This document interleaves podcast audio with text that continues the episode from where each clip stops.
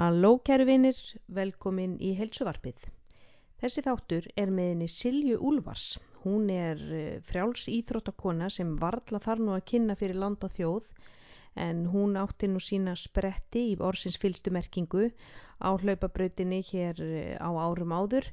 Hún eh, var aðalega sprettlaupar í 100, 200 og 400 metra vegalengdum en gerði nú líka gardinn frægan í öðrum frjálsum íþróttum og spreyti sér handbólta og fótbólta og hefur sérst verið svona einn okkar fremsta drottning hlaupabrautarinnar undan, undan var hérna á undanförnum árum.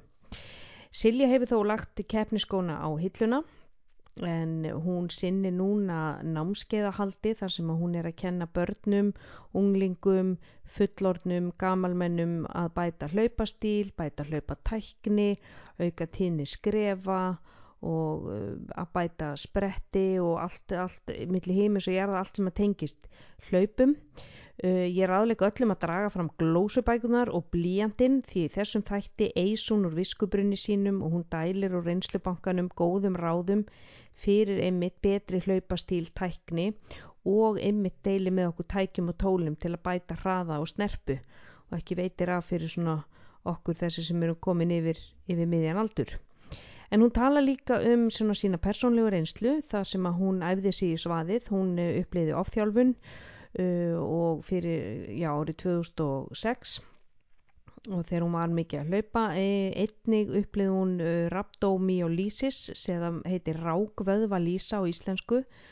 Og þar sem að vöðvarnir brotna niður mjög hratt eftir erfiðaræfingar og, og það getur valdið nýrnabilun í alvarlegustu ástandi. Og, og margir sem að hafa upplifað það er að fara hratt stað aftur eftir, eftir pásu eða er að æfa í fyrsta skipti og taka eins og vel á því og, og fara semst yfir mörg líkamanns. Þannig að þetta er alveg frábær þáttur með stórkostleiri konu, hún er alltaf super, greint og ótrúlega vel málifarinn og, og skemmtileg og, og ég hafði bara alveg virkilega gaman eins og þætti og ég get bara ekki beðið eftir að taka annað vittal við hana, hana Silju. E, þátturinn er náttúrulega í bóði ná á Íslandi og langar mér sérstaklega að mæla með beta-alanin en beta-alanin er aminosýra sem að e, spila leiki hlutverk í úthaldi vöðvans í lengri æfingum.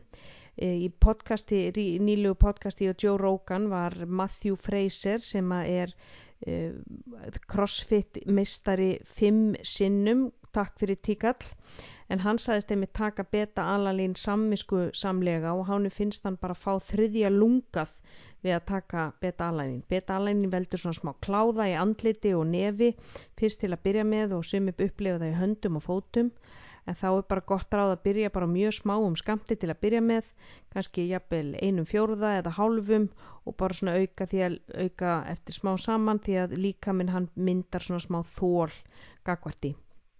Beita alanín hindra mjölkusýru framleyslu svo vöðvin getur unni lengur þrátt fyrir að vera orðin, orðin þreyttur. Og beta alanín fæst í háverslun uh, sem er upp á höfða, upp á linkhálsi 13 einni geti fengið það á náfoods.is og auðvitað í nettóbúðunum. Nú í samengi vefni þáttarins vil ég nefna að mínir hlaupaskór eru brúks. Brúks hlaupaskórnir fást í Eirberg og glíserín típan virðist henda mínu fæti best því ég er með nokkuð hlutlust eh, stig. Ég kvorki innanfótar nýja utanfótar. Um, en heilmikið úrmal er af skóm í Eirberg og þeir eru upp á stórhöfða og það er frábær þjónusta til að finna þann skó sem hendar þínum fæti.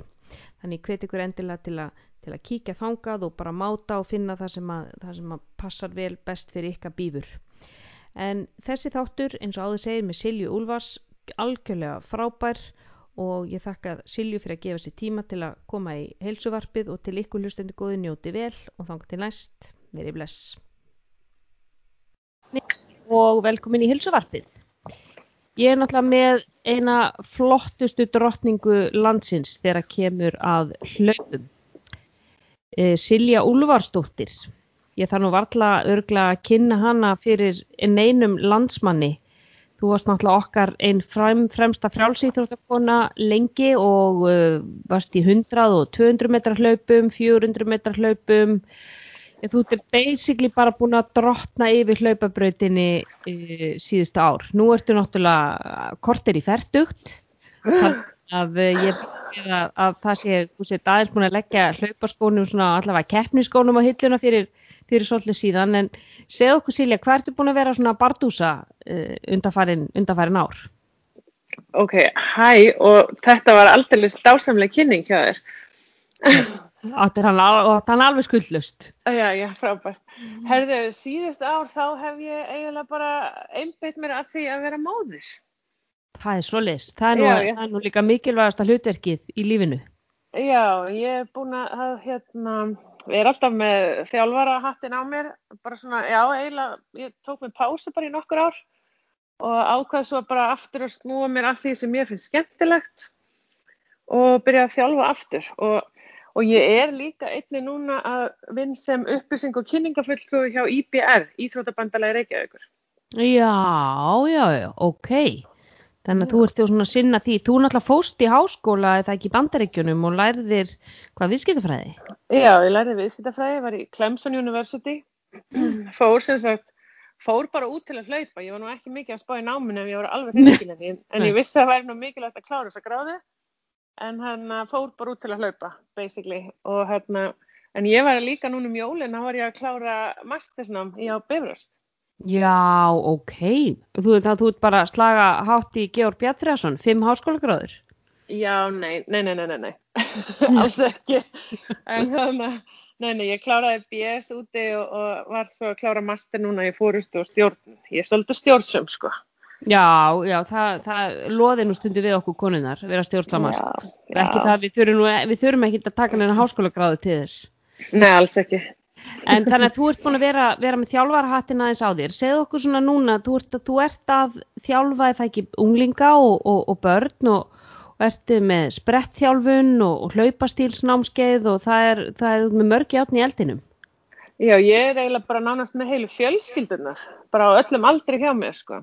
Það er svo leiðis.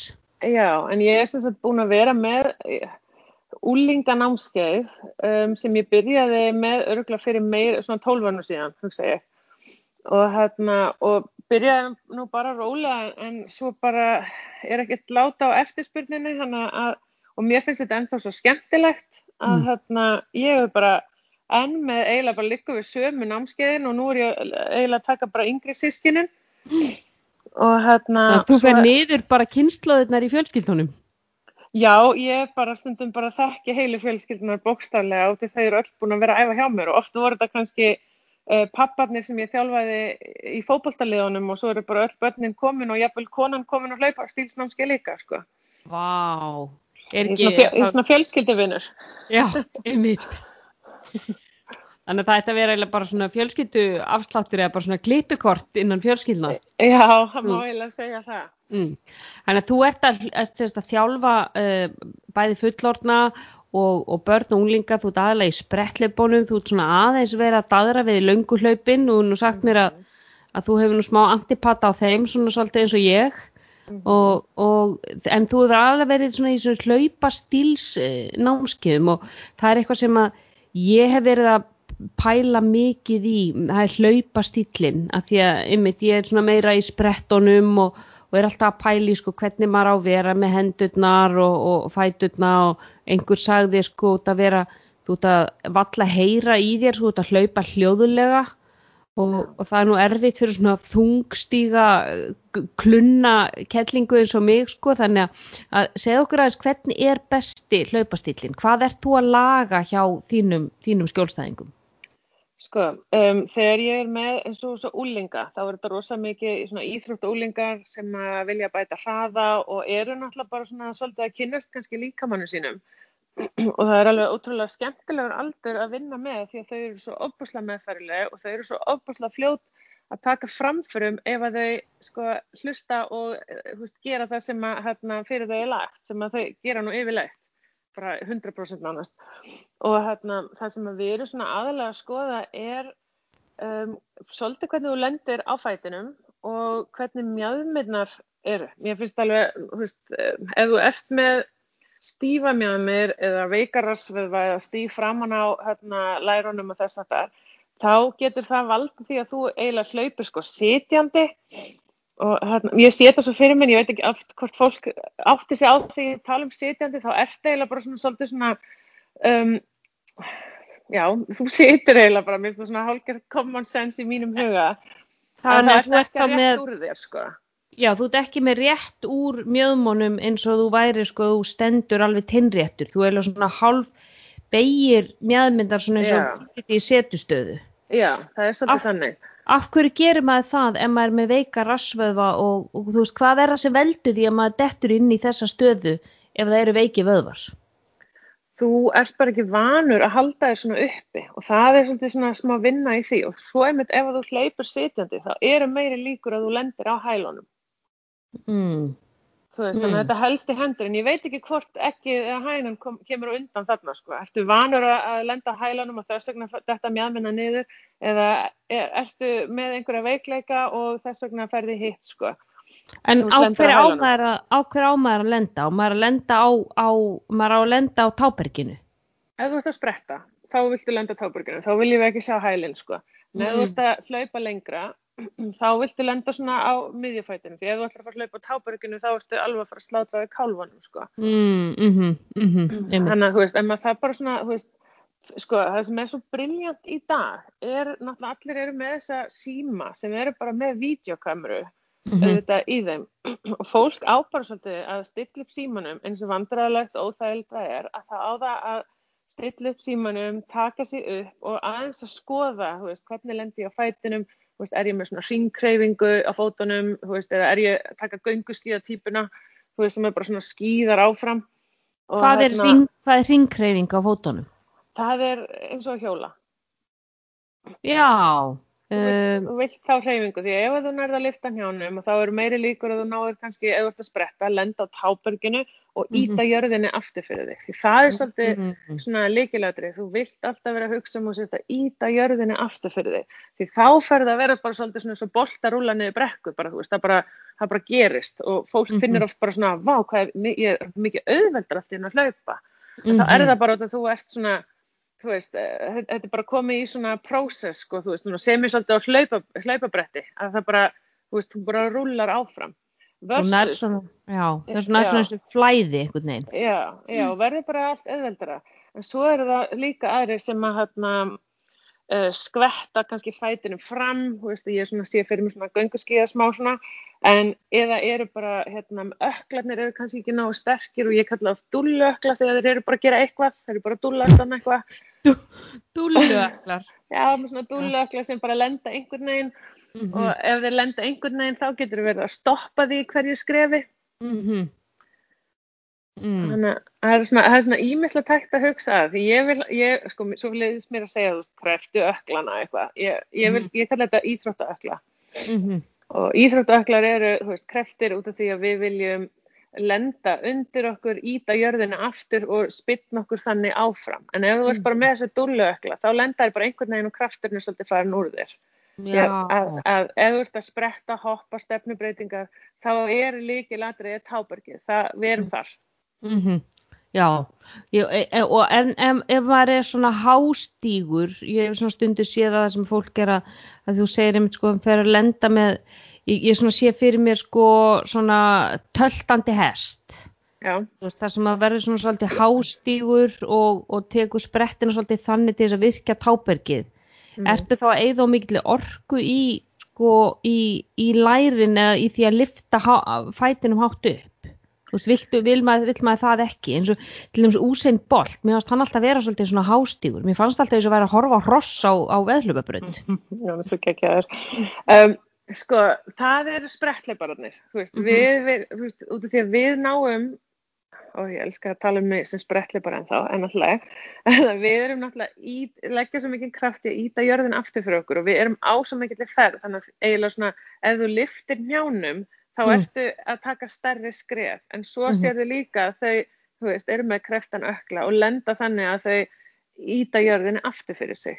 Já, Þannig að, þú veist, eins og fyrst þegar ég til dæmis byrja að keppa og hérna, og ég fann að ég var að keppa við aðra stelpu og, og mér fannst ég hlaupa mikið hraðar en hún því ég var með meiri tíðni en hún, ég, þú veist, hreyfði mig ditt, ditt, ditt, hraðar heldur en hún Mhm.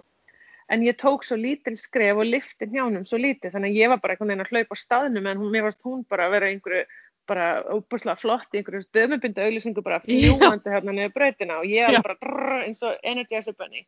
Já. og hérna, ég man nefnilega sko, pappi tók vídeo mér, alveg á vídeo, með vídeospólu og allt þetta og ég fór bara að gráta. Og þá fórum við í markvæsa vinnu, ég og heiða þjálfur minn að sagt, lengja skrefi mín. Og það gerði Mhm. við með því að styrkja mig í háum hnéliftum Mm. og gera ótrúlega mikið af því út af því að, að þá hefur verið útaldið til að halda það úti lengur því ef þú, nær, ef þú ert með tíðni og ert með kraft til þess að spilna það vel áfram að þá ertu bara að fara að fljúa áfram. Og sérstaklega ef að hlaupastillin er að vinna með þér en ekki gegn þér eins og svo margir gera. Mm Já, maður sér það sérstaklega núna ég myndi eins og búið að vera í lockdownu þá náttúrulega er bara allir og frændið er að út að hlaupa. Mm. og maður sér náttúrulega sko alla flóruna af hlaupastíl og, og stundu sko er ég alveg að þessi, þessi er að fara að fá nýjavandamál og þessi er að fara að fá mjadmavandamál og það er bara hlaupið einhvern það er far- farið í einhverja gamla striga sko frá mentaskóla árunum og, og abaskinsbuksur og bara einhverja gamla peysu og svo er ég bara farin út, þú veist, ég þarf ekkert mikið meira en þetta. Og svo er ekkert pælt í sko hlaupastíl eða hvernig ég hleyp eða þú veist, hvernig ég er að stíga niður og þannig að ma maður sér sko að þe- þetta er náttúrulega ofta búa til búa til vandamál sem ekki voru Já. fyrir, þú veist, að mjadmir og, og, og hnje hvað er að svona, hvað helstu meðsli sér þú, er ég að tala um bara svona venjulega Jón og Gunnu þú veist, sem eru að, út að hlaupa svona sér til helsubótar hvaða, hvaða mistök sérðu aðalega í hlaupastíl hjá fólki? Sko, ég myndi segja, varandi meðslinn, þá myndi ég tengja það við, sko, bæði jú stífleika en höggin sem koma í hverju skrefi. Mm Og það er náttúrulega hægt að, þú veist, laga það bæði með því að hlaupa betur undirlægi, hvort sem er utanvega eða, eða grasi eða þess að það er, en svo eru bara skór skipta miklu máli. Já, Og- hvað, og hvaða skóm, sko, nú hef ég verið að nota Brooks skóna, ég hef verið að fá þá í Yrberg, ég nota Brooks Glycerin, þeir, þeir verðast henda mínum fæti langbest, ég er svona frekar neutral í, ég er hvorki utanfótar en ég innanfótar. Nei. Hva, hvaða, hvaða skóm, eða hvernig típu af skóm, eða, veist, eru þessi barefoot skór betri eða veist, þessi algjörlega flötu, ég meina maður er að sjá fólk á sumrin hérna að hlaupa berfætt, sko, ég, Ah, ég, ég, ég skil það ekki og Nei. hérna persónulega, ég veit ekki hver fræðin er bak við neitt af þessu sko, en, en sjálf er ég uh, algjör aðeitast perri þegar kemur að hlaupa sko og, Mm. og ég er ekki sponsuð af þeim meðan eitt annað ég varða og, hérna, og vann hjá þeim en ég þekki bara þá sko mjög vel og hérna, bústið að hvíta kotasælan hann undir hún henda mér bara rosalega vel og ég fóbrotna illa og meðst og eitt og annað og þetta eru bara þannig eru mínu skór en ég Mm. hef ekki mikið prófað aðra skó og hvet fólk til þess að, að, að bara skoða og prófa. En svo er það annað sem að svona, mér finnst ég sjá eh, bara út og þú fóst út í hérna brúks og, og fólk er með mismunandi um, þú veist fætur og þess aftar að svo fer fólk í göngugreiningu eða hlaupagreiningu á, á svona bretti og eitthvað. Og þá eru sem sagt verslannar auðvitað bara að selja skóna sem þau eru að bjóða upp á. Mhm. og ég er ekki nóg glöð með það og veist, þannig að ef, ef að þú ert þú veist, rosa metnaðfullur í að gera vel við viðskiptavinniðina þú veist, án þess að ég sé eitthvað að hrauna yfir einni neitt að það finnst mér alveg, þú veist, fyrir að já, herði, ég held að, þú veist, Adidas skotnir hendi þér eða Nike þér, þú veist, ekki bara sem þeir eru að selja sjálfur, en ég skil alveg að þetta sé markasherfer, en, en þú veist, en fólk verður bara svolítið að skoða, kannski prófast í skóna hjá vinum sínum og, og hérna bara svona aðeins að að prófa þessi áfram. Svo er þetta, þú stundum er þetta bara ekki neitt vandamál og þá kannski bara skiptir það ekkert svo miklu máli, sko. Nei, einmitt og, og, og eins og þú segir sko að maður, maður prófi nógu margar típur. Ég byrjaði alltaf, ég var í Asics í mörg ár, Já, Asics Nimbus, með, ég var mjög ána með þá, fór svo yfir í Mitsuno skóna, mjög ána með þá líka og hef síðan verið með Brooks núna síðust ár og, og þú veist allir þessi skór virkilega góðir, ég er svona, já, Já, segja, mjög ána með og, og ég fekk, fekk innlegg uh, að því ég með tábergsig og þá fekk ég innlegg og það var bara game changer. Þannig að, að sko Já. það er mitt fór ég að finna fyrir í hlaupunum og fór að þreita mig. Ég er að velta fyrir mér, þú veist, eru svona atrið eitthvað sem að þú velti fyrir hvort að fólk sé með einmitt sko uh, svona eitthvað, eitthvað vandræði í öklum, vandræði, þú tala um dulluöklana en, en þú veist, í fætinum sjálfum, þú veist, nú náttúrulega erum við komið með eitthvað fáránlegt lögun á tám að miða við bara okkar forfeður og okkar og, og ég meina fólk sem er mikið berfætt, þetta erum, erum allt öðruvísi lögun á fæti heldur en við sem erum að kuldrast í skóm alltaf Já, svo er, já, þú veist, eins og ég segi, þetta er náttúrulega bara svo personabundi, ég er ekki mikið að, að í þessu skótæmi, sko, en ég sé alveg oft þegar skótnir eru búnir og þess aftar, en á sama tíma langar maður að segja, sko, þú veist, að, að eins og ég er með aðditaskona, að ég er með þrjú mismunandi pör fyrir eftir hvað ég gerir, þú veist, ég, ég var að prófa núna utanvega skó og ég er bara eitthvað, á, þetta er alveg, þú veist, finnst mér game changer en svo ef ég er mikið að lappa eða hlaupa róla þá er ég þessum, ef ég hlaupa hraðar þá er ég þessum og fyrir að lifta er ég þessum, þú veist, mm -hmm. ég mhm. nota ekki sömu skó fyrir allt, sko, ég er svona fann að bara þekkja mig, hvað henda mér og, og hérna, og, og bara hva, hvar og hvernig mér líður vel, sko. Já, þetta, það er vandamáli við að stunda svona fjölbreytta íþróttið mitt eins og, eins og crossfit og svona, maður er með sko liftingaskóna sína fyrir olimpísku og svo er mm. maður með benjulega liftingaskó fyrir sko og svo stundum er maður á, á, á tánum eða berfættur og þess að styrkja og svo er maður með hlaupaskónu úti og þetta er orðið svo mörg pör. Já. en það maður mér var að taka til í skáfnum daginn taldi 27 pör af stregaskómi ég sagði elska mig þetta er ekki eins og helmingurinn. Það er, það er svo er þetta í Kössum og svo er þetta á Íslandi og þetta er á sýstuminni í London og þetta er náttúrulega bara ruggl sko Já, maður verður kannski að vera svolítið skynnsemur í þessu, en ég, hérna, ægútið þegar við vorum að tala um að fólk fór að hlaupa í COVID-inu, þá langar mér að segja að á Instagraminu mínu þá, þá bauð ég fólk upp á fría hlaupaðingar í Close Friends mm. og þá sendir fólk mér bara, þú veist, hérna, skilabóð maður komið í Close Friends og það er bara frýtt og ekki verið neitt vandamál og ég er bara komið með svona góðan hóp þar og mm -hmm. það er nefnilega, ég get sett í highlights það sem mm -hmm. bara Close Friends sér og þar er mitt fór ég aðeins yfir hlaupa umræðu og þar er ég líka með veist, um, æfingar til að bæta hlaupastíl og bara fjölbreyttar æfingar til þess að gera og þess aftar mm, En getur þú deilt einhverju svona æfingu með okkur til að bæta hlaupastíl, nú talar um sko fæturna og þú veist, til dæmis með hendurnar, nú sér maður fólk vera að svepla höndum bara það nánast þess að það sé bara búa til ramagn, það sveplar höndunum svo mikið. Og þetta er ekki áslega mikil orka sem fer í, í, í sko þetta þessar handaseflur maður hefur séð það bara svona hjá crossfit keppendum og sprettleipurum þeir halda yfir höndunum svo frekar nálægt líkamannum Já, en það er nefnilega einmitt, þú veist, það er svolítið sem þú vilt út af því þú vilt ekki vera sveiflað með eitthvað og býða eftir að það er komið tilbaka. Það geta nefnilega alveg hægt á þér. En mm -hmm. svo saman tíma því hraðar sem þú reyfir hendurna því hraðar reyfast fæturnir. Þeir, mm -hmm. þeir, þeir fylgja svolítið höndunum.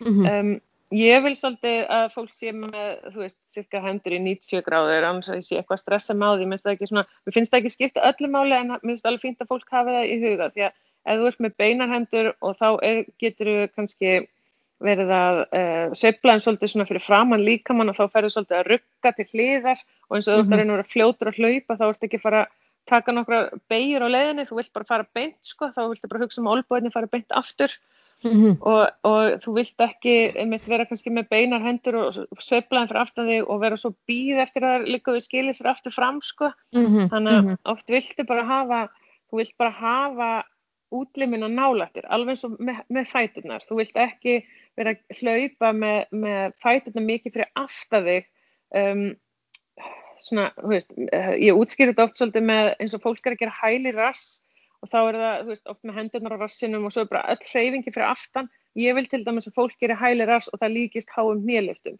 og því að þegar fóturinn fer í syng, þess að er þetta útskýrt í orðum ég þarf reyna, þegar fóturinn fer svona í syng undir þér að þá vilt ekki að hann sé einhverstað fyrir aftan þig að, veist, fyrir, já, fyrir aftan þig og þú setur svolítið að sækja það fram. Þú vilt bara að þetta sé undir eins og þau úrst að hjóla svolítið Mm. Veist, og alveg eins og þú vilt heldur ekki þú veist, þú er alltaf að lifta hnjánum en þú vilt ekki hafa dúllöklaðin hana lengst fyrir fram að þig því þá ert að stoppa þig í skrefinu. Þú vilt hafa allt undir þér og með þér nálættir eins og þú væri bara hlaupa líka í svona boksi já, ég, ég já, veit ekki hvort ég er að útskýra þetta náðu vel en ég, já. Nei, við vonum að, vonum að fólk, fólk skilji þetta og ég held að þú ert að útskýra þetta mjög vel. Já, og, bara sendið mér skilabóð Já En hvað getur fólk gert til dæmis til þess að styrkja dulluökla? Um, sko, uh, ég læt fólk lappa á hælunum, veist, bara til þess að styrkja Mm. vöðvana framan á sköflungnum og Mhm. einhver sjúkraþjálfari sagði mér að það væri líka góð forvörd fyrir hérna beinunabólgu Já, og ég kaupi það alveg og Mhm. hérna, að því að beinunubólgan kemur í sköflungan og ég hef Já. séð það inn í mörgum umræðuþráðum núna af eftir að fólk byrja að hlaupa úti að það er alveg allir að farast úr beinunubólgu. já, og það er bara ógeðslegt, það er ógeðslega vond, það er bara ógeðslega vond. Mm og eina finnst mér sem duða, ég, ég fekk rosa slemma beinabólgu bara af mínum yngri árum þegar ég var að, keppa mikið -hmm. og hérna ég komin með svona, svona stressfraktur í hérna sköflungin sko og hérna það þarf bara að nutta þetta og ef þú ert að nutta, þú ert ekki grenjandi og langar að drepa einhvern, þá ert ekki að nutta þetta nóg vel. Nei, ég man eftir að íþróttanuttari minn sem ég var hjá hann Einar Karl Axelsson sem ég held svona Mm. mm. hættur að nutta, hann var að nutta beinunubólgu og hann sagði sko ég fengið hörðustu, sverustu kallmenn til minn Já. með beinunubólgu og þeir fara sko, þeir, þeir ringi mömmu sína sko bara og eru með Kleenex bóksið þegar þeir koma sko. Þetta Já. er algjör viðbjöður. Já, þetta er sko að mér skilst, ég, ég er til dæmis ekki að vera sérfræðingur í þessu, en, en eins og ég skil þetta, þá er þetta raun og veru himnan utan um vöðvan framan á sköflunum sem að festist við beinið, Já. Og þú ert að losa þetta losa upp frá. beininu. Já, já. Já, og, og beinunubólga kemur hjá fólki sem er að byrja að hlaupa út af hverju? Út af hverju kemur hún það er sérstaklega hjá?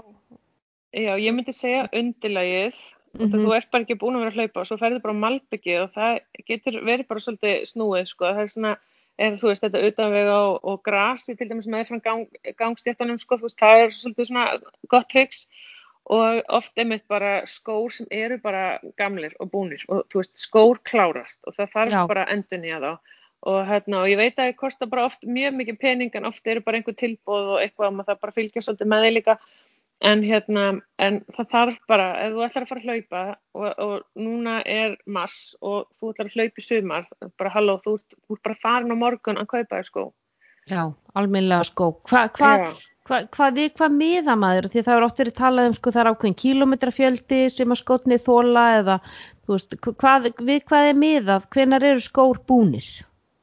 Hvernig veit ég að skór eru búnir? Og þeir verða bara einhvern veginn svo máttlæsir af fætinum á manni, þú veist, að þeir, Mm. þú veist, þeir eru bara þú veist, þeir eiga alveg að halda við, þú veist, ég vil það allavega, ég vil alveg, ég, mér finnst skotni mínu vera búnir þegar ég fer í þá og þeir eru ekki svona, svona juicy að halda við fótið minn, sko. Þeir eru ekki Þú svona stífir lengur. Já, þú veist, þá finnst mér þetta nú bara orðið, hérna, garðvinnu skór, sko. Já, einmitt, það var þetta orðin svona heima, heimaskór. Já, þannig að, hérna, þú veist, maður vill alveg, þú veist, og svo bara, já, ég, fyrir mér er þetta svona tilfinning, það eru örugglega einhverjir sem talar um einhverja kílómetra og eitthvað, en ég, við erum bara svo mis létt stíg og, og, og hérna, þunglama og, veist, í hreyfingum og hvernig við lendum, sumir til dæmis skilja aldrei okkur þeir klára eftir undirlæðið á skónum, sko, en þá eru þeir bara, veist, einhvern veginn að draga fótinn eða eitthvað, sko. Já, já, einmitt. Það er, það það er svona ímislegt í þessu og hérna, já, Þannig að- maður þarf bara svolítið að finna fólki sem maður treystir í þessum umræðum finnst mér, sko.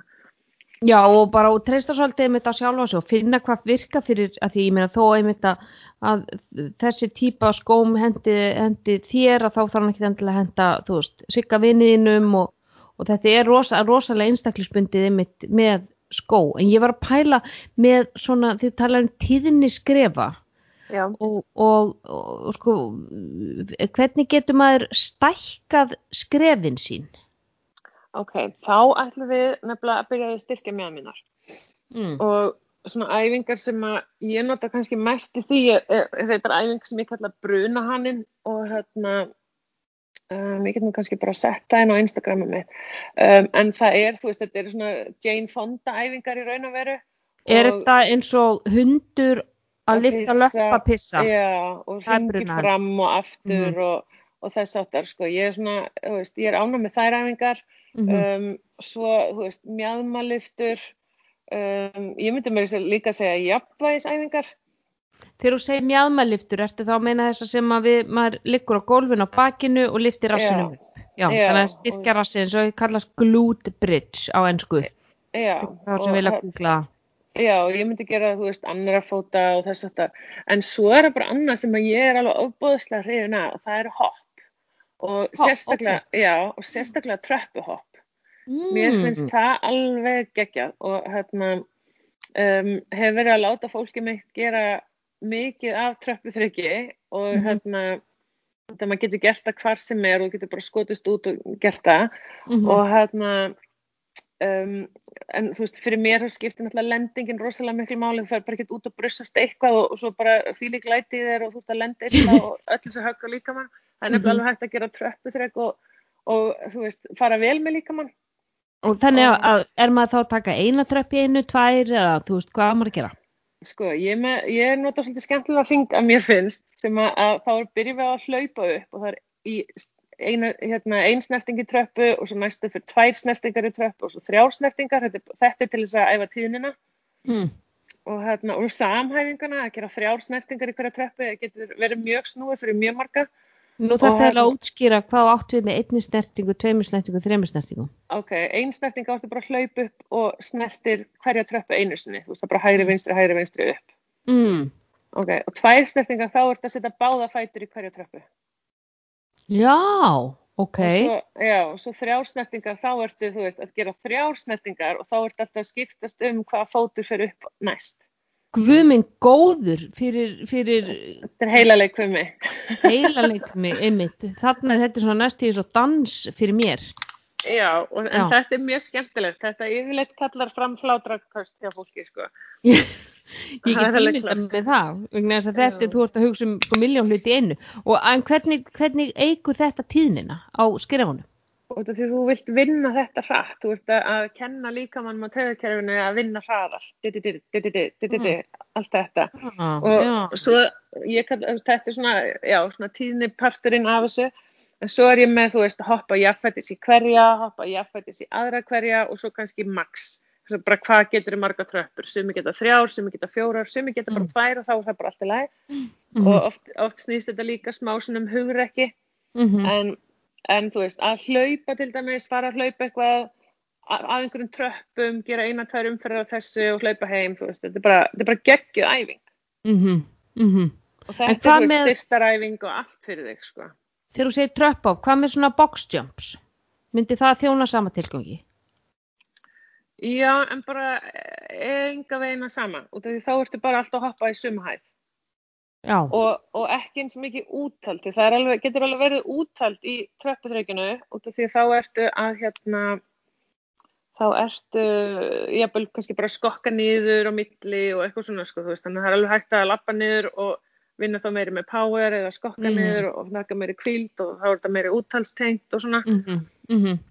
Og, hérna, en svo er það annað sem að er mjög gott að hugsa um líka, það eru brekkusprettir eða brekkuhlaup. Já, já, já. Það er, er sko, ok, þú veist, það er aldrei gaman, að, veist, þegar maður er fullt að hlaupa og svo kemur brekka, maður bara eitthvað, djöðlir hún erfið, hún er pingu lítil eitthvað, Mhm. en hérna, það er ekkert gaman að hlaupa brekku þá, en það er gaman að taka brekku æfingar. Já, að, að Þá- taka svona spretti upp og, og sko, létt skokk niður og Já, og máli er nefnilega sem er svo skemmtilegt í brekkur, þú hugsar úti að þú getur eiginlega ekki hlaupið bara vittlust í brekkum. Því að, að ósjálflega þegar þú ert að fara í brekku, og við erum ekki að tala um eitthvað brattar brekkur, þetta er bara svona svolítið svona frekar líðandi, að hérna, þú ert aldrei að fara að vera með dúllu öklanðin hangandi bara á fætunum út af því að þá getur þú bara dottið og rekur þú bara Mhm. tánni í. mhm, Um, þú ert alltaf að fara að lifta hnjánum af því Mhm. þú veist að það er brekka líka minn hann bara finnur það bara herru hér er brekka ég verð að lifta hnjánum aðeins herra núna og Mhm. yfirleitt lendir þau á táberginu það er, alveg, það er alveg galið að hlaupa upp brekku og lenda á hælunum þá kemst ekkit upp Og brekkan þvingar þið til að nota tábergið. já, brekkan bara þvingaði til að rétta betur úr þér hallaði Mm. betur fram, lifta hnjánum betur lenda á táberginu og spytnaði betur fram því þú ert að reyna Mhm. að spytna þér upp þessa brekku Mhm, þannig að, að, sko, að fara út á laugadegi og skokka eitthvað, taka tíu brekkuspretti, þú veist, yfirleitt eru svona 30 metrar á milli ljósastöra á, á veginum, svona ándjóks mhm. og, hérna, og fara svo að taka eina, tvær umferðir í, í tröppu, þú veist, þetta, þetta er bara geðveik æfing, þetta er bara, þetta er bara uppáhaldið mitt frá öllum mínum ferli, það er bara þessar æfingar, brekkusprettir á laugadögum og tröppuhopp. Ég held að þú sérst að núna stuðla því að enginn kemst í himnastegan á lögatum. hann, hann, hann er að vísi svolítið langur. Ég hef aldrei farið í himnastegan, ég, stegan, ég hef eftir að prófa. Já, En ég, það ég þarf heldur ekki að vera aldrei, svona langt, en já. nei, ég hef heldur aldrei, aldrei farið, en mér skilst að þetta sé bara, hafi verið vinsalsi staðurinn í COVID-inu, það var himnastígin. algjörlega sko, Já. þú veist, og svo þú veist, að ég horfði bara út á gluggan hjá mér og þá sá- ég allt í hennu, þú veist, tröppur sem ég vissi ekki einu svona á, ég búi eins og hverfa óksla lengi, þannig að nú er ég að hleypi bara þangað og tek tröppur og hleyp heim. Ok, já. já, ég er einmitt með tröppur hérna rétt hjá mér, en brekkur er mjög erfitt að finna í Kaupanöfn. Já, ég trúi því, Danmörku bara yfir höfuð, sko. höfuð, sko, það er já, bara einmitt fjallið, fjallið hjá þeim er eiginlega svona eina brekkan í veist, maður svona horfir á það bara, er, er, er það að djóka? Er þetta fjallið ykkar? Oh þetta er svona, þetta er ykkur hóll. Já, Já, en þá, þá ferðu bara á hlaupabretti og stillir aðeins upp. Já, já, nú er bara betra rækt, ræktin opna aftur svo maður Já, komist í hún er ekki opin sinni á- þar. nei, nei, nei, við erum í algjöru lockdowni hérna, það er ekki eins og það er kaffihús og, og, og bókasöfn og sundlegar og þetta er allt lokað sko það er sko, Guð lífið, góður. lífið er alveg drefleðilegt Lífið er COVID maður, sér. Já, já, svona, svona, maður er þvingaður í, maður er þvingaður í svona aðeins að taka þér rólega, en, en, en einmitt að talandi um það, að taka þér rólega, þú látla kerðir líka skvísuna bara loðrétt í ofþjálfun fyrir nokkrum árum síðan, ég las Já. einmitt pistil frá þér, hvað var þetta, 2011 minni Nei, mig, 2006.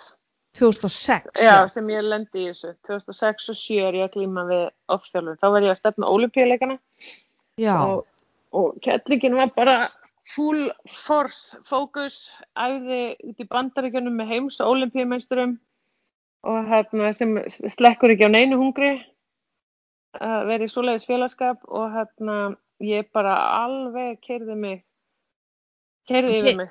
þú kerðið þig alveg, alveg í svaðið og þannig að það, það var bara að líða yfir þig bara eftir eh, 60 Já. metra sprett á, á Já. tímabilu. Þú fyrir læknis og þú finnir fyrir hjarsláttatrublunum og, og, og, og hjartaflökti og, og svo endar þetta bara með því að þú gerir bara null í þrjá mánuði. Já, og fyndna er sko, þú veist, að, að hérna, ég, mér, mér fannst ég ekki vera biluð, eða þú veist, þú veist, ég sé eftir okkar, ég eitthvað nýð niður á miðri æfingu og fæ hjarta eitthvað flögt og, Mhm. og bara svona líði yfir mig og, og svo vakna ég að þá horfi ég á einhverja tvo menn sem standi yfir mér og ég kíkja á klukkuna og segi, shit, settakvildin er búin og hleypast af. Nei! Já, og svo kalla ég það og segi, kalla á sjúkrabíla eða þið finnir mig aftur. Mm þú veist, ég, bara, ég var bara á æfingu og, og á æfingaplaninu stendur ég að gera þetta, þetta, þetta og ég bara gerði það, mætti svo með þess að daginn eftir, ég var fárveik eftir þetta, þetta var alveg það sem ítti mig við strikið.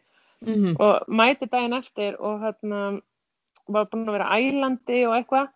Og ég kom bara og hitaði snögt upp og kláraði æfingunum mína, náði tímanu sem ég átti að taka og fór heim. Veist, samt ælandi, fárveik og allt þetta en það bara það stóð á prógraminu. Ég bara var, ég var ógislega upptekinn af því bara, ég á að gera þetta þetta gerir mig betri og svo bara bam Já, uh, sa samvisku semin algjörlega keirði þig, keirði yfir þig og þannig að þú, hún keirði þig í, í kaf og þú endar, endar í, á, á spítala, þú, það, þú fóst í hress og það Já. líður yfir þig á hlaupabrettinu. já, ég var að lappa á einum Þú fórst að lappa á einum. já og þá bara rankaði ég við mér og ég mann, ég sá mig í spekli sko og þá bara, ég var bara hvít í framann og það ringdi sjúkrabíl og allt eitthvað og þú veist, þannig að þetta var bara, veist, og þetta var ekkert eitthvað, fólk vissi ekkert hvað ofþjálun var á þessum tíma, það, veist, það Nei. hafði engin læknir bara sem ég fór til he- heyrt um þetta og ég fór í hjarta, línurit og pröfur og allt þetta og ég kom alltaf út eins og, eins og hann sagðist, eins og stálslegin karlmaður, Já, nú ekki Einmitt. kátt með það, ég gæti alveg stálslegin kvennmaður líka, já, já, einmitt. Hann En er já, örglega ekki þóra að segja þetta í dag. Öruglega ekki, nei, en þetta var samt ótrúlega áhugavert sko, því ég átti erfitt með að lappa upp stigan til að komast til hans á aðra hæð, Mhm. en svo, þú veist, gekk, þú veist, var ég bara flott í öllum þrekprófum, en það var náttúrulega því ég var bara mikið betra formi heldur en, þú veist, meðalmaðurinn sem hann tók öruglega venjulega í þrekpróf. Mm, þannig að já, viðmið hjá honum var náttúrulega algjörlega brenglað fyrir konu á þínum kaliber. Já, og ég bara, þú veist, þeir bara þekktu þetta ekki, sko, þú veist, það var bara, ég fór bara að googla og svona fór ég að ræða við, við þennan, svo lækni, sko, setna meir eitthvað og hann var svona, já, jú, ég held þetta gæti verið það og, þú veist, ég fór í, hérna, já, ég fór í alveg endals og blóðpröfum og raunginni og ég veit ekki hvað og hvað og hvað og þetta var, þetta var ókslega erfið tími, það var ókslega erfitt að, að, sko, vera bara slegin svona niður og ég man svo, ég kvildi þrjá mánuði og fer svo að æfingu og þá föttuðu við sko að taugakerfi hjá mér var bara í steik. Og mm -hmm. því að þegar ég fór að, var að hlaupa og ég var að hlaupa með vinnum mínum að þá bara hérna, tók ég starra skref með öðrum fætinum veist, þannig að ég var alltaf fann að beigja ég, ég var bara að reyna að hlaupa beint sko, ég var bara alltaf erfitt með það og þannig að ég þurfti bara alveg veist, að þjálfa mig upp bara, veist, mér leið bara eins og ég væri bara já, á nulli að vinna mig upp sko og hérna það þurfti alveg að fylgjast vel með mér. En finnst þér þá eins og umræðan hafi aukist um þetta sko, nú segir þetta 2006, mm. nú erum við hérna 15 árum setna, þú segir sko þarna vissi lengin almenna hvað oft-þjálfun var eða hvort þetta var sko eitthvað þing og maður heyrir oft svona það er ekki til sem heitir off-þjálfun, þú ert bara ekki að jafna þig nógu mikið á milli æfinga mm. og, og þú veist, þetta er ekki off-þjálfun, það er svona munur á milli overtraining og overreaching eins og mm. talað er um Þú veist, -hmm. finnst þér eins og þekkingin hafi aukist, það hafi fleiri rannsóknir, það sé fleiri íþróttamenn sem þóra að tala um þetta því að sko á hvað tímapunkti ertu sem íþróttamæður að ég er ég ekki bara, er, er þetta bara auðmingjagangur í mér, er ég bara, þú veist, er ég bara ekki að nenna, er ég bara letuhaugur orðin eða, þú veist, það er líka þetta, þetta, þetta innra samtal sem að, sem að fólk ávið sig og, og þóri jafnvel ekki að stíga fram þegar umræðan var svona lítil. Já, það var alveg mín tilfinning og og svo skrifaði ég þetta blogg hérna nokkru mánu setna og hérna ég held að sko þú veist þegar umræðan um ofþjálun fer á stað þá einhvern veginn virðist ég alltaf fá símþykingu sko það er alltaf bara bylgjan að ringja á þetta að ringja já nú erum við að ræða um ofþjálun og það er bara greinilega mm. mynd af mér þar í, í orðabókinni en mm -hmm. ég fæ líka rosalega mikið af ungu íþróttafólki til mín og hérna fóruldrum með börnin sín bara hefur bara komið heim til mín í kaffi mm. og hérna þar sem að þú veist við erum að veist, spá í þessu með ofþjálfun og, og erum að vandraðast með hvernig við að ræða við hérna þjálfaran, þú veist, þessi þjálfari skilur og þessi ekki og þetta er óþægild að útskýrta fyrir liðsfélögum og, og þú veist, þetta er alveg búið að vera og mér finnst að það er bara þrjár viku síðan ég heitti stelpu sem er búin að vera í svo mikið ofþjálfun og hérna, og hemmi, taugakerfi og henni er, er bara svolítið í steg og, og hún er að, þú veist, vinna þessu og eitthvað og, en þetta er, þú veist, og líka bara, þú veist, ég held ég meina alveg að segja, þú veist, að Rakel Dag Bragadóttir sem var fyrirlið íslenska kvennalandsins í handbólta, að ég var ofta að þjálfa hana og ég stoppaði hana í eitt skipti, þú veist, þá var ég mitt, fannst henni árangun henni að vera fann að, þú veist, ganga verð og, og eitthvað svona. Og ég bara, þú veist, hún mætti á æfingu tímin og við gerðum bara prógram og hún átti bara að fara í kaldapottin og heitapottin og leggja sig í göngutúr mm. og, hérna, og hún hefur oft talað um að bara, þú veist, ef ég hef ekki stoppað hana áttu því ég þekkti þetta mm -hmm. að hérna þá er bara alveg óvíst hvað hefði orðið í raun og veru sko. Hvaða einkennum svona, hvaða einkennum tekur eftir hjá, eins og til dæmis hjá henni þar sem að þú sér bara nefnir hún er á leiðinu óþjálfun? Sko að sko mín tilfinning er svolítið að um, þetta er svona smá hugafarið svolítið, þú veist, þú, þú, þið langar svo mikið árangur, þú, þú vilt svo mikið og en á sama tíma ertu bara slöpp, allar æfingar verða erfiðar, þú ert bara ógislega þreytt, það er erfitt að móti verða á æfingar og um, svo þú veist eins og ég var að keppi sprettlöpi, þú veist, allt í hennu bara, þú veist, hljópi ég versta tíma minn sem ég hef nokkuð tíman upphafi hlaupið en samt að ég er jafn þreytt og áður Mm -hmm. og eitthvað svona, þú veist, þannig að hérna, þú veist, að bara árangurinn fer bara niður en þess að getan fari bara niður. Líka mann er bara, hann er bara bensinlaus mm -hmm. og hann á ekkert meira að gefa. Og það sem að fólk gerir það oftast út af því að það bara, heyrðu býtið, vá, árangurinn að leiðinu niður, ég verð að gefa í. Já, ég verð að æfa meira. Já, ég verð bara að gera meira, þú veist, þetta er bara, þú veist, ég er greinilega ekki búin að gera nóg, þú veist, þú, þú uppskerða það sem þú sáir, þú veist. En, en það sem að, maður hefur svolítið lært er sko að, og ég reyna að kenna fólkinu mínu er hérna, þú planar æfingar og planar mataræði en ertu búin að plana recovery hvernig Já. er recoveryið mm -hmm. þú veist, það verður líka að vera í æfingaprógraminu, þú veist, það verður að vera, þú veist, rúla, tegja, ég veit ekki, heiti, kaldi, guða, bara hvað er sem virkar fyrir þig. Og það verður líka að vera kvild og þetta það sé sem margi flaska á og maður sér þetta stundur svona einmitt á Instagram eitthvað hashtag no days off og fór bara hérna, það er kvildadagur í dag, fór hérna bara í létt, léttan róður, þú veist, 2 kilometra eða hljóð bara hérna létta, þú veist, 7 km þetta er ekki kvíld, þú ert að keira líka maður inn í sko streytukerfið jafnvel þó þú sért bara að fara að gera eitthvað létt hann er samt að undirbúa sig undir einhvers konar átök. Og ég heyrði mitt podcast við Matt Fraser sem hefur voruð fimm sinnum mm. hérna crossfit mestari og hann sagði ég tek eitt kvíldadagi viku og ég geri ekkert. Ég horfa á Netflix allan daginn. Ég bara, ég ligg og ég kvíli mig. Og þetta er náttúrulega verið með að keira okkur inn í, inn í sko kortisol, adrenalín, alla daga, sko sextaði vikunar, mm -hmm. að þá mhm. erum við í þessu jing og jangi, við erum í þessu vegasalti, að við erum búin að keira tögakerfi svo mikið upp, þá þurfum við bara að keira það rosalega mikið niður á móti. Og, og bara taka einmitt eitt bara hardcore kvildata sem ger bara null, þú setur ekki eins og í þóttavelina sko. Ég held samt að þetta sé misjæft eftir fólki að hérna um, uh, kvíld fyrir mig er kannski ekki saman kvíld fyrir einhvern annan, held ég að, að þú veist mér, eða þú veist, já þú veist, ekki, ekki marka kannski núna en mér kannski leiði ekki vel að gera bara ekki neitt, en þú veist, þá vildi ég kannski fara í göngutúr og rúla mig eða tegja það er kannski kvíldi mín, þú veist, það er bara svona aktiv kvíld en ég er ekki að ráðast á taugakerfi, ég er bara að hjálpa því að þú veist svona jafna sig og svo veit ég bara, herru nú er næsta vika að fara að byrja. Ég verða að undirbúa mig fyrir hana og það ætlum ég að gera með því að þú veist mikið þetta, þetta, þetta, mm -hmm. eitthvað þú veist þannig að hérna, maður þarf líka svolítið svona, þú veist, fólk þarf að skipuleika sig það þarf að horfa á hvernig vikan lítur út, þú veist, mm -hmm. ef ég er að fara að taka erfið að hlaupaæfingu á fymtudegi, þá er ég á þriðudag og miðugudag að undirbúa mig fyrir þessa æfingu mm -hmm mm -hmm. veist, þá er ég að fara að taka helst létt daginn áður og daginn þar á undan, þú veist, þá er ég að passa að ég skokki niður og, og tegi vel og rulli og, og, og þú veist, drekki vel og mín tilfinning þegar ég var að keppa, þá var ég búin að finna það út að hérna, það hendaði mér rosalega vel, sem að tveim nóttum áður en ég keppti að ég sofa vel þá nótt, en ég mhm. þurfti ekki, ef ég svo of mikið kvöldi áður en ég keppti, þá fyrst mér ég verið slöpp. Já, og svo þung.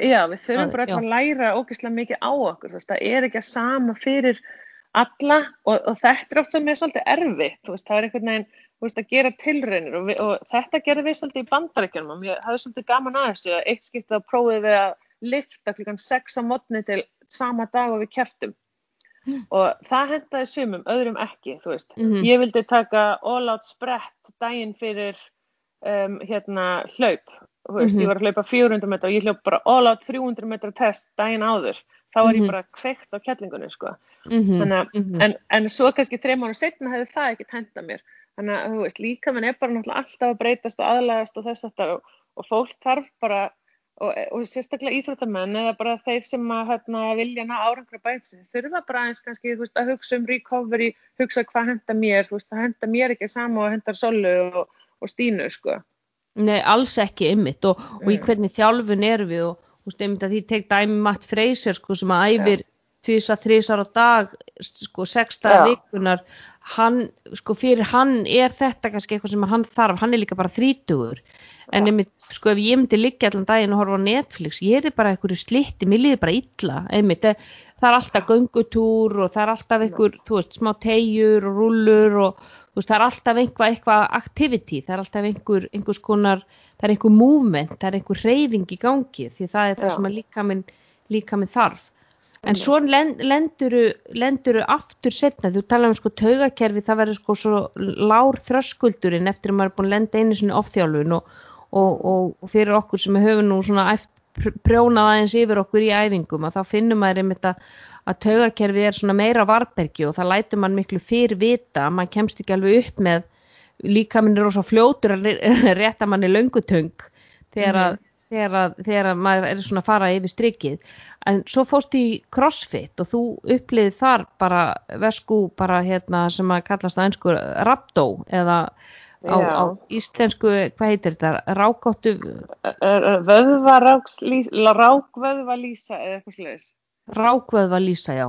Já, ég held að heita það. Já, getur þú lýst þess aðeins fyrir, fyrir hlustendu, þannig kannski ekki allir sem að þekka, þekka þetta fyrirbæri. Nei, nei, sko ég er náttúrulega bara ofbúslega keppnismann uh, út af þessi farið og hef eiginlega ofta ekkert alveg treyst mér að fara að æfa til dæmis veist, crossfit og eitthvað það er sáttar út af skapin í mér sko þegar ég kemur mm -hmm. að keppni mm -hmm. og hérna og ég er svolítið svona, mér finnst ég elska veist, alltaf ég fyrir að crossfita einhverja og kemur alltaf heim og segir þetta var gæðveikt, þetta henda mér mm -hmm. en þetta hendar ekki taugakerfinu mínu, það er bara mhm. þannig og keppniskapinu og þannig ég kannski fyrir að æfingu og ég skoða æfingun og ég sagði að ah, ok, ég, ég verða að passa mig þarna, þarna er hindrun fyrir mig sem, eða svona eitthvað sem ég get fallið á og eitthvað. Og hérna og ég er sagt búin að fara núna á nokkra æfingar og, og hérna finnst þetta bara æði. Og, og svo erum við, erum við búin að stilla upp og, og ég bara já það ekki að klárast æfingar 20 mínútur, ég, ég er bara góð að 16 mínútum. Þá mm. segir, segir kennarin bara þú veist, byrjum þetta 10 sekundur það var einhver í morgun sem klára þetta á 11.45 Ó, guð, þetta hefur nú ekki verið gott fyrir keppniskapið í þér. Nei, og ég, þá byrjuðu bara slagsmál í hausnum á mér, bara, mm -hmm. þú mhm. veist, engillin og djöfullin, sko. Þegar ég var bara eitthvað, nei, ég, ég, mér er alveg sama, mér er alveg sama, ég er bara hér, sko, og hérna, og svo byrja ég og, og bara finna ég er alveg æst og ég bara, þú veist, stopp ekki neitt, ég er bara vel, og svo bara stoppaði, teldi á tíu, svo bara einn, tveir, þrjú, fjór, fjór, fjór, tíu, og svo bara, veist, aftur að stað, sko, Mm -hmm. og, mhm. hérna, og ég þú veist kláraði þessa einhver 13 mínutum og ég var bara eitthvað vátt, ég var þetta að klikka hvað hausin bara, þú veist, ég, ég fann alveg og mm -hmm.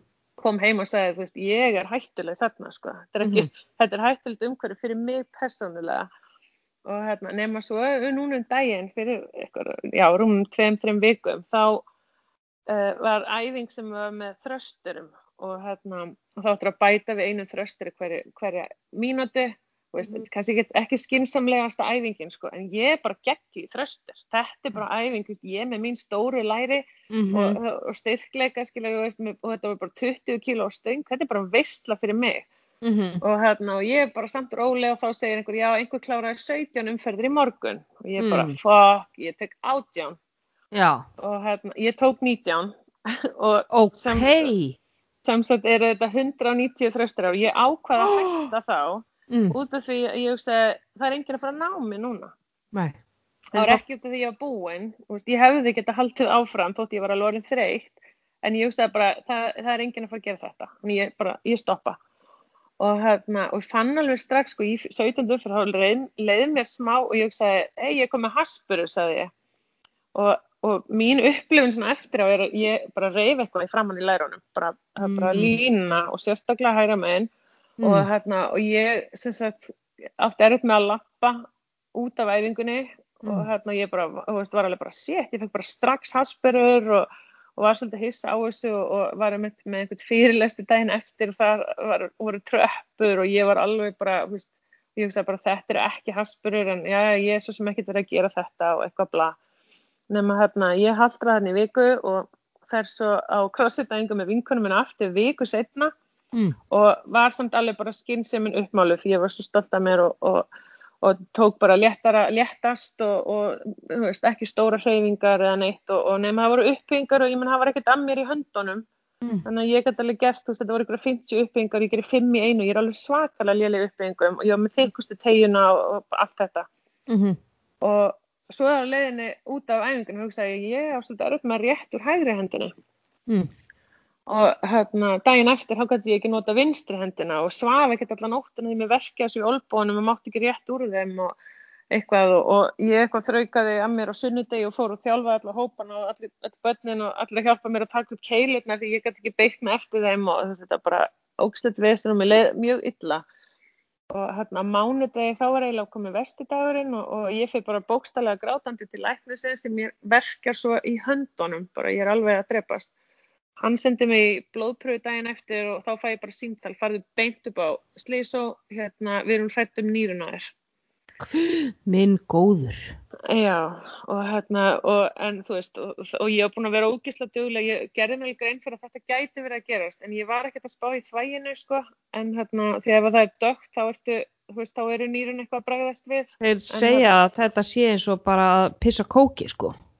Já, ég bara tók ekkert eftir því að pældi ekkert í, ég veit ekkert hvort það átti við um mig, en ég einhvern veginn gerði mér samt grein fyrir því að ég þurfti að taka mikið af steinarnum og vatni og ég var bara að drekka, drekka, drekka, drekka, sko, ég fekk alveg, Mhm. ég þingdist um þrjú kíló og bjúg og allt, sko. Ó, já, já. Já, já, hérna, Þetta en- getur sko leitt til nýrna, nýrna bilunar og, og svo fær fólk ofta óreglan hjarslátt. já. Fann, fannst þú eitthvað fyrir því? Nei, ég, nei, ég ger mér ekki grein fyrir því, en vinkonum mér útskýrði þetta fyrir mér, hún er læknir og Mhm. hún sagði það sem gerist er þess að það, sko, vöðvin er raun og veru deyr, það Ó. oh. mista hljóma ógislega klikka, það heyrir alveg á lífi hjá mér núna, sko, en hérna, uh, og það ripnar eitthvað, lekur eitthvað úr að miskilst vöðvanum út í blóðið og þær frumur sem að leka út í blóðið eru svo stórar að nýrun ráð ekki við þá, þess vegna fara þau í einhverja svona ofvinnu og Mm. þess vegna fær fólk oft þarna næringu í æði, einhver saltlausna eitthvað til þess að hjálpa þeim að vinna út úr þessu Mm -hmm. og, en, en hérna svo bara þú veist, eh, þú veist, ég fann alveg að ég var að lagast og, og, og daginn, ég fór aftur blóðpröfu daginn eftir, þá var þetta búið að lækka þessi gildi og eitthvað og, og hérna, en ég var í mm, veist, viku setna var, átti ég er, ennþá í erfileikum með að halda á vasklasi þá fekk ég mjólkusir í hendunar Já, Já, og það er náttúrulega það sem þú ert að finna sko, ég, það að sko, fá hasperu strax þegar þú lappar út af æfingun náttúrulega ekkit eðlilegt. Og þetta er náttúrulega þegar að, sko, þeir, þeir, eru að, þeir eru að brotna niður svo rosalega hratt vöðvarnir. Já, mér fannst þetta bara sem að, mjög svona súrt við þetta, mér fannst þetta aldrei erfitt, eða þú veist, þetta var ekki, mér fannst, þú veist, hausin á mér gata alveg meira, skilur, þú veist, ég hefði Mhm. alveg, þú veist, bara, um eitt keppniskapið, þú veist, ég er náttúrulega fjórindmönda hlaupari, ég, ég þjálfa mig í því að fara inn í mjölkusýru og halda áfram að hlaupa, Mm þú veist, og þannig að þetta, þú veist, þannig að ég er að reyna að spá í hvort það sé ástæðan, skilur, að ég stopp ekki, því ég bara, ég kom inn í mjölkusýru en ég get ennþá haldið áfram, þá held ég bara áfram, þá, Já, veist, líka með þinn er svo vanur að halda áfram þrátt fyrir sko sásauka og, og síru sem að sko hinn venjulegi Jón og Gunnar væri löngu hætt. Þau hættu tíu rounds á meðan að þú ert bara komin í 19 og bara, æ, ég hætti bara núna. Já, þú veist, það er svona svolítið mín tilfinning, þannig að mínar Mhm. áhyggjur af mér í svona aðstæðum er, er að mér finnst hausin og líkamann á mér ekki tala sama tungumál. Þú hausin að þér færir þig alltaf miklu lengra frá, frá búndinu. Þú bara, þú eila redlænar bara af því að hausin að þér er svo þrjóskur. Já, og meira sér sko einn af einhvern daginn, þú veist, þá áttum við að gera tíu svona uh, shoulders to overhead, þú veist, bara með stöng og veist, ég hef búin að telja um på 20, þá bara er ég bara í ham, Mm þú veist, ég er bara, þú veist, á fullu, bara, þú veist, ég er bara að vinna vinnuna og ég er bara með, ég fæði svona störu og ég er bara djung, djung, djung, djung, djung áfram. Og þjálfarinn bara, Silja, þú átt bara að gera 10 og ég bara, shit, 19, 20 þú veist, ok, já, hérna allt í lagi, næst æfing, hvað átti ég að gera? Þú veist, ég bara, þú veist, þannig ég þetta er, eh, þú veist, ég held að En það er ég væri- náttúrulega, það er kannski tvent í þessu, það er bæði það að verandi íþróttamæður og, og íþróttamenn eru, sko þeirra, þeirra starf er að hlusta bara á skipanir og, og fara eftir Já. þeim.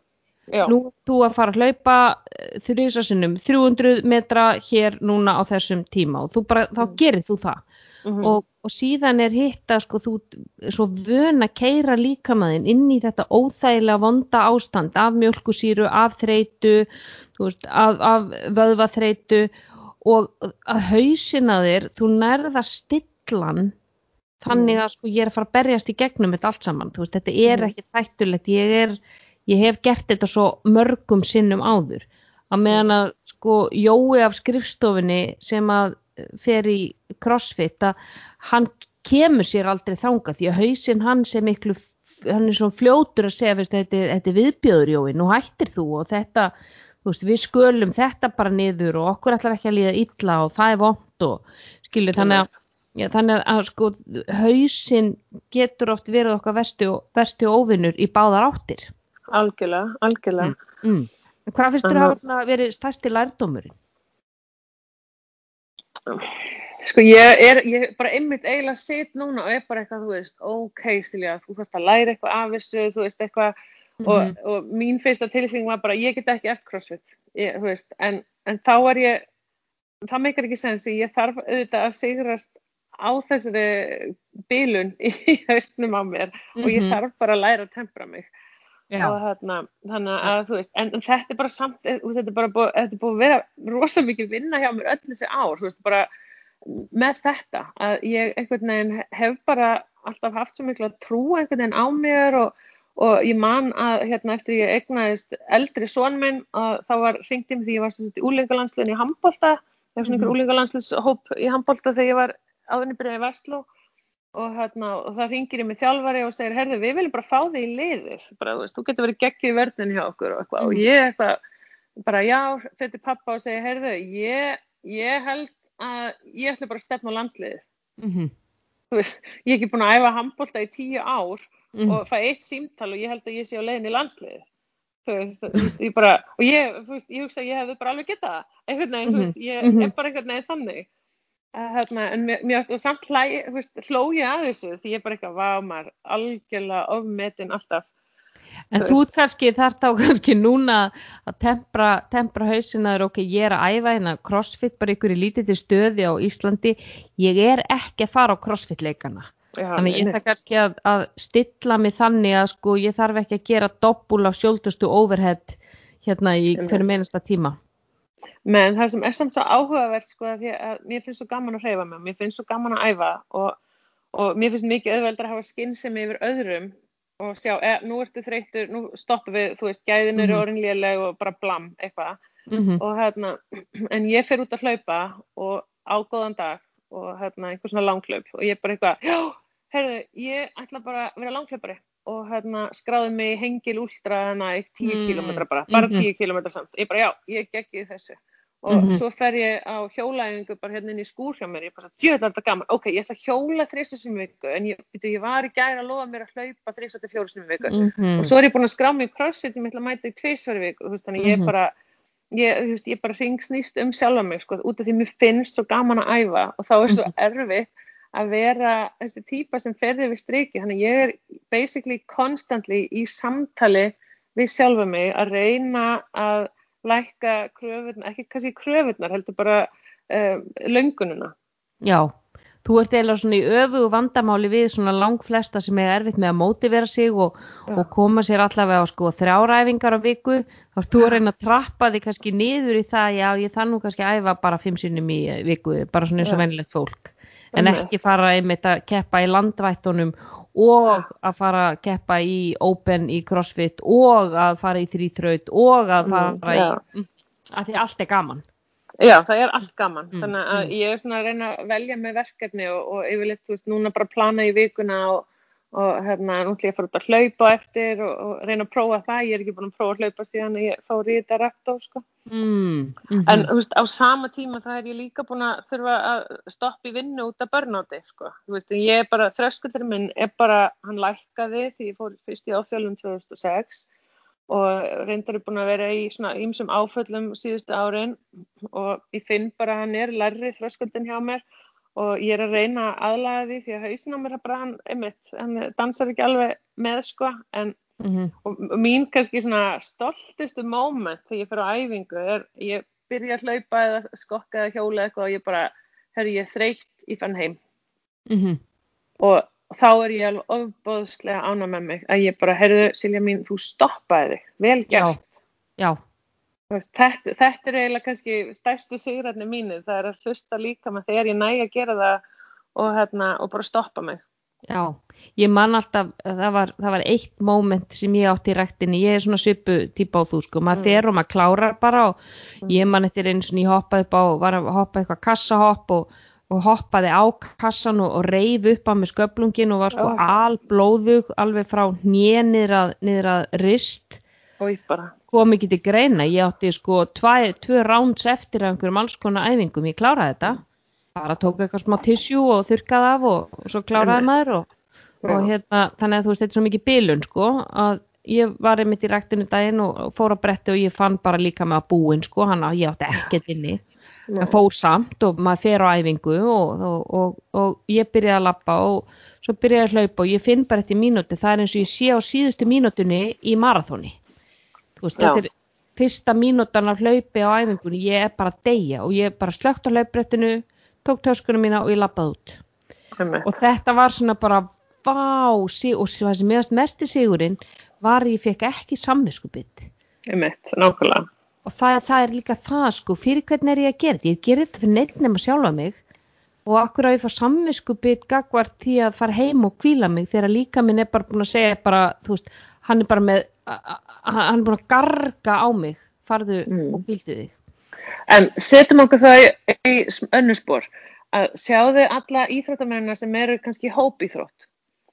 Þar eru bara æfingin, þjálfarinn ákveður æfinguna og hann ákveður vikuna og þetta er svona svona svona og þú verður bara að mæta og ef þú mætir ekki þá náttúrulega getur þú mist partið inn í liðinu.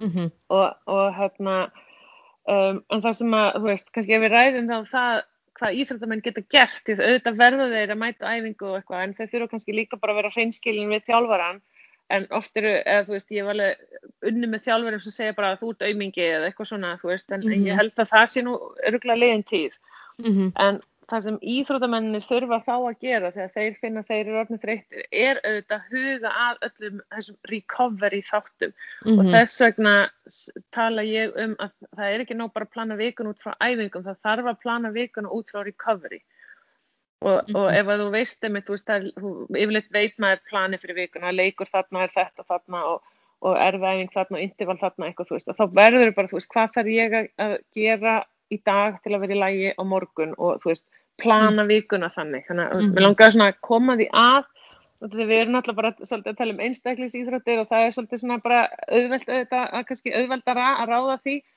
En þegar maður einmitt er í hóp að, að fólk þarf líka bara að læra og sína skilning að veist, við erum öll ólík og, og e, það sem að gerist í persónulega lífinu getur líka haft mikil áhrif á andlega þáttinu og líkamann sko að þannig að fólk þarf að huga að recovery, ekki bara alltaf gera sem þjálfarinn segir, þjálfarinn segir ég að rúla þennan dag, nei ég bara finna vöðvarnir mínir þurfa þetta í dag Mhm.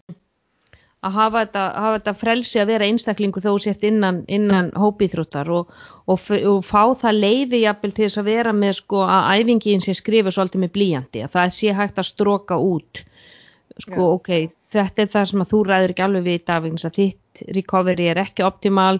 Þú veist, þú varst kannski að gangi gegnum skilnað eða þú veist, hva- hvað eina, þú ert í prófatörn eða þú veist, það er mikið álega á þér að þú er ekki sofið vel og þú ert ekki að performa alveg upp á, upp á, upp á tíu hérna í, í þessari hópíþrótt en, en því þú talar um burnout, getur þú svona sagt okkur aðeins frá hvernig, hvernig þú uppið því nú er svo rosalega margir sem hafa verið að glíma við kulnun í, í, í starfi og, og, og það sem, betur fyrir fara að vekja aðeins meiri aðtikla því á Íslandi til dæmis að, að við erum náttúrulega um alltaf farið alltaf á nefanum bara og, og, og þú veist að maður, eh, annað þú ert bara aumingi ef þú mætir ekki vinnu að því að það er eitthvað, eitthvað stressaður þannig að hvernig, hvernig lísti það sér hjá þér?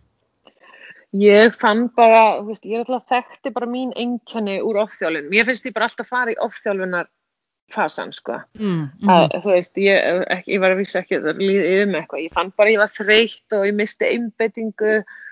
Um, ég, þú veist, eh, var bara svolítið svona spólandi bara einhvern veginn á eftir sjálfur mér og, og, og þess aftar, sko. Og hérna, fór, fór að sofa illa og, og átti erfitt með að einmitt að komast á æfingar og nærast og eitthvað svona sko, þú veist, þannig ég, þú veist, ég finn alveg þegar ég fer svolítið í, í, í hérna, þessi þetta, þú veist, svona horf, sama horf hjá mér sko, en þú veist, þá einmitt vild þurfti ég bara kúpla mig út og finnast það sem ég gerði, samt, ég var, ég var sem sagt, ég skráði mig á núveitundanámskeið Mm já, já, það hendaði mér bara ekki neitt sko. Nei. Og Það verður- hérna og mikið róliheit og mikið eitthvað kjarnaður og senaður að finna þriðja augað eitthvað staðir ykkur í lótuspósu Já, ég bara svona, þú veist, eh, tengdi ekki við hópin sem að ég var í og, og, Mm. og eitthvað, þú veist, ég, ég, veist, ég var svona, ég var þessi típa sem, þú veist, ég var alveg að geta reyna það ekki, ég var svona farin að flissa stundum skilur þú veist, ég bara, þú veist, þetta var ekki kvíld fyrir mig. Nei, það er svo misjænt að henda hverjum einum Já. það, og við verðum að finna bara, fyrir suma getur það verið bara núvitundin að ég ætla bara að fara eitt með sjálfur mér í bíó þú veist, það getur verið núvitund fyrir einhvern Já, en ekki að sitja þetta á einhverju námskeiði og, og, og þú veist, með eitthvað reikelsi og, og eitthvað, þú veist, það er bara fyrir suma bara passa það ekki, Mm. mér finnst það er mitt mikilvægast að fólk finnir svolítið hvað hendar þeim til þess að róa tögakerfi niður. Einmitt. En mm. það er mitt svolítið fyndið þegar ég fór í þarna svona persónuleika prófundaginn mm. og, og það voru svona 24 atriði listu, þú, þú, þú hefur þetta og það, þú veist, þú ert að þjálfa því þessu, þetta ertu bara lélegi. Mm -hmm. Og neðst á listanum hjá mér var til dæmis, þú veist, að að sjá það fallega og njóta í kringu þig, eitthvað svona, þú veist, eitthvað þannig eins og að fara í göngutúr og vera bara oh, þetta er alveg dásamlegt eitthvað. Og ég hef aldrei skilið okkur, þú veist, hvað það er, ég bara, ég, ég sé þetta ekki. Nú bara púlsið minna að lækka, ég var að halda áfram að lappa þú veist, ég er alveg hér, sko. Mm -hmm. og þannig að mér fannst svolítið svona áhugavert að sjá bara, ah, já, minn karakter er bara ekki þarna. Nei, að staldra við og njóta blómana og, og, og eitthvað. Og það ja. er bara það skemmtilega einmitt við það, hvernig við, við erum mismunandi með að njóta, ég sé oft með mína skjólstæðingu og prófaði þessa æfingu og svo komaði tilbaka og segja, ég var ekkert að tengja þetta mér finnst þetta ja. alveg glata, ég segi ok hvað, þú veist, til dæmis að þú brjóta sama þvott, já ég gerir það oft, ok verður bara í núinu að brjóta sama þvottin. Veist, bara nú er ég með handklæðið og mm. ég er að brjóta það saman og ég set þessi hotn saman og nú er það, þú veist að og þetta hanglaði raukt og ég er að brjóta það og þetta getur verið bara núvitund. Ég þarf mm. ekki alltaf að vera að fara út og þefa einhverjum blómum og, og þú veist, horfa lítið börn og eitthvað, skilur þú veist, mm. það, er, þetta er svo margt sem að fælst í því núvitund er í rauninni bara kjarnin er bara, ég er bara í einu verkefni einu. Það getur bara verið að vasku upp. Einmitt. Og það mm. er svolítið svona, kannski sem að svona eins og bara með íþrótafólk og, og fólk sem er með markmið eitthvað, veist, það er ekki ein leið aðneinu, það er bara mismunandi leiðir að virkar mismunandi fyrir hluti, veist, fyrir fólk og til dæmis þegar ég er hérna, um, að útskýra einhverja æfingar á námskjöðanum mínum, þú veist, það veit ég alveg, ég, er með, ég er með 20 börn, ég get ekki útskýrt þetta bara einn hátt. Mm -hmm. ég, ég verða að útskýra þetta á fleiri hætti og hérna, mm -hmm. Þú veist, svona, þú veist, hann er skiljið, þú veist, bara eins og þegar ég byrði bandarækjum þá var alltaf verið að segja mér notaði hendurna, notaði hendurna því ég var að hlaupa. Mm -hmm. Ég all, kom alltaf í mark með mjölkusýr í höndunum því ég spennti það svo mikið og notaði það svo mikið. Þá mm. til að, að loksins eitt þjálfari segi við mig, Silja, settu bara olbúana aftur. Og ég bara, okkur sagði það enginn. Já, það er mjög svona. Já, já, það fattæði bara, leiðbynning og leiðbynning er ekki að sama. Þess að stundum þarf maður að útskýra hlutina á fleirin einn vegu svo að, að fólki skilja mann og íþróttamenni, þú veist, nái leiðbynningunum sem þú ert að gefa. Já, það er ótrúlegt hvað svona einmitt svona bara ein, svona lítil svona kjús mm. geta einhvern veginn sko farið fyrir ofan hausin á manni en svo fær maður bara í öðruvísu orði og það bara ah, smellur eitthvað. Einmitt. Já, en hvaða, hvað svona að lokum, svona hvað eitt ráð getur þú gefið fólki til þess að, eða svona hvaða ráðleikinga gefur fólki sem er bara að fara út að hlaupa og það er bara þessi típan sem bara reymar á sig skóna og er bara ekkert að pæli þessu, fyrir bara út og hleypur einhvern veginn. Mm. að, að svona til þess að bæta hlaupastílinn hjá sér Hva, hvað getur það gert til þess að svona optimisera hlaupin hjá sér, svona þau hámarka árangurinn? Um, Ég myndi segja taka vídeo og, og, en oft veit fólk ekki alveg hvað það er að leytast eftir þá bara senda það á einhvern en Uh, ég myndi líka segja styrkja kviðin, þú veist það hjálpar með allt að hérna, halda okkur uppi. Mm -hmm. um, ég myndi klála huga hérna, skóm, en ég myndi alveg, veist, ég þarf ekki að fara og kaupa nýja skó fyrir fyrsta hlaupatúrin, skilur, en svo mhm. finnur þau kannski bara, heyrðu þetta, ég fíla þetta, ég er fara að gera þetta, þá skaltu mhm. fjárfesta í skóm, finnst mér. Mm -hmm. Veist, margir auðvitað með úr, en það er alveg hægt að hafa ímislegt í símanu líka, mm -hmm. en sko, fyrir mér er þetta bara svolítið svona um, kannski heildarstaðan á líkamannum, þú veist, það er ekki ef þú að góður að hlaupa, þú ferð ekki bara út að hlaupa, þú þarft að styrkja þig þú þarft að tegja þú, ég myndi segja það er að rulla, passa upp á mikið vöðvan og eitthvað því þú vilt ekki bara ganga á og ganga á og það hefur ekkert til þess að taka út úr sko mm, mm -hmm. meikar það sens? Já, meikar alveg sens og, og dúlu, dúlu öklarnir, hvernig styrkjum við þá? Herri, við þurfum aðalega bara svolítið að hugsa um það.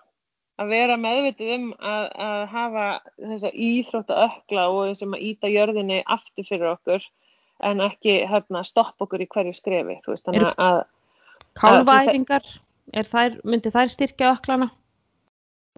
Já, já, en ég held að þetta sé bara svona meira vani, þú þú ert vanur einhverju, veist, Mm -hmm. þe- þetta er bara eins og með þetta, veist, við kunnum alltaf hlaupa, þetta er bara hægri fótur, vinstri fótur, hægri fótur, þú veist, við kunnum alltaf hoppa og allt þetta, en það er samt hægt að gera alla þessar hluti betur og réttar Mhm. og, og við erum búin að venja okkur öll á eitthvað hreyfimunstur og það er ókslega erfitt að brjóta það og ég Mhm. finn það alveg, þú veist, ég er með 10 ára, ég er með 20 ára og ég er með, þú veist, 50 ára Mhm. þú veist, það, það er allt annað að kenna þessu fólki hérna hreyfimunstur út af því að þau eru bara mismeðvitið um líkamann um, þú veist, þau bara þekkja líkamann misvel, þú veist, hann er missterkur hafa mismikla stjórn á honum og þess aftar þess vegna svona, þú veist, þessi heildarpakki að, að uh, skinja og hvað þú ert að gera og hérna þú veist, gera æfingarna rétt og vel skiptir bara gríðarlega miklu máli Mhm. Þessi líkams, þessi líkamsvitund og Vitund. líkamskinjun, Já. já, akkurat. Já, Heyrðu Silja, þú ert náttúrulega bara óendalegu brunnur af visku og ég held að það verður bara að vera part 2 hérna með þér eitthvað tíman.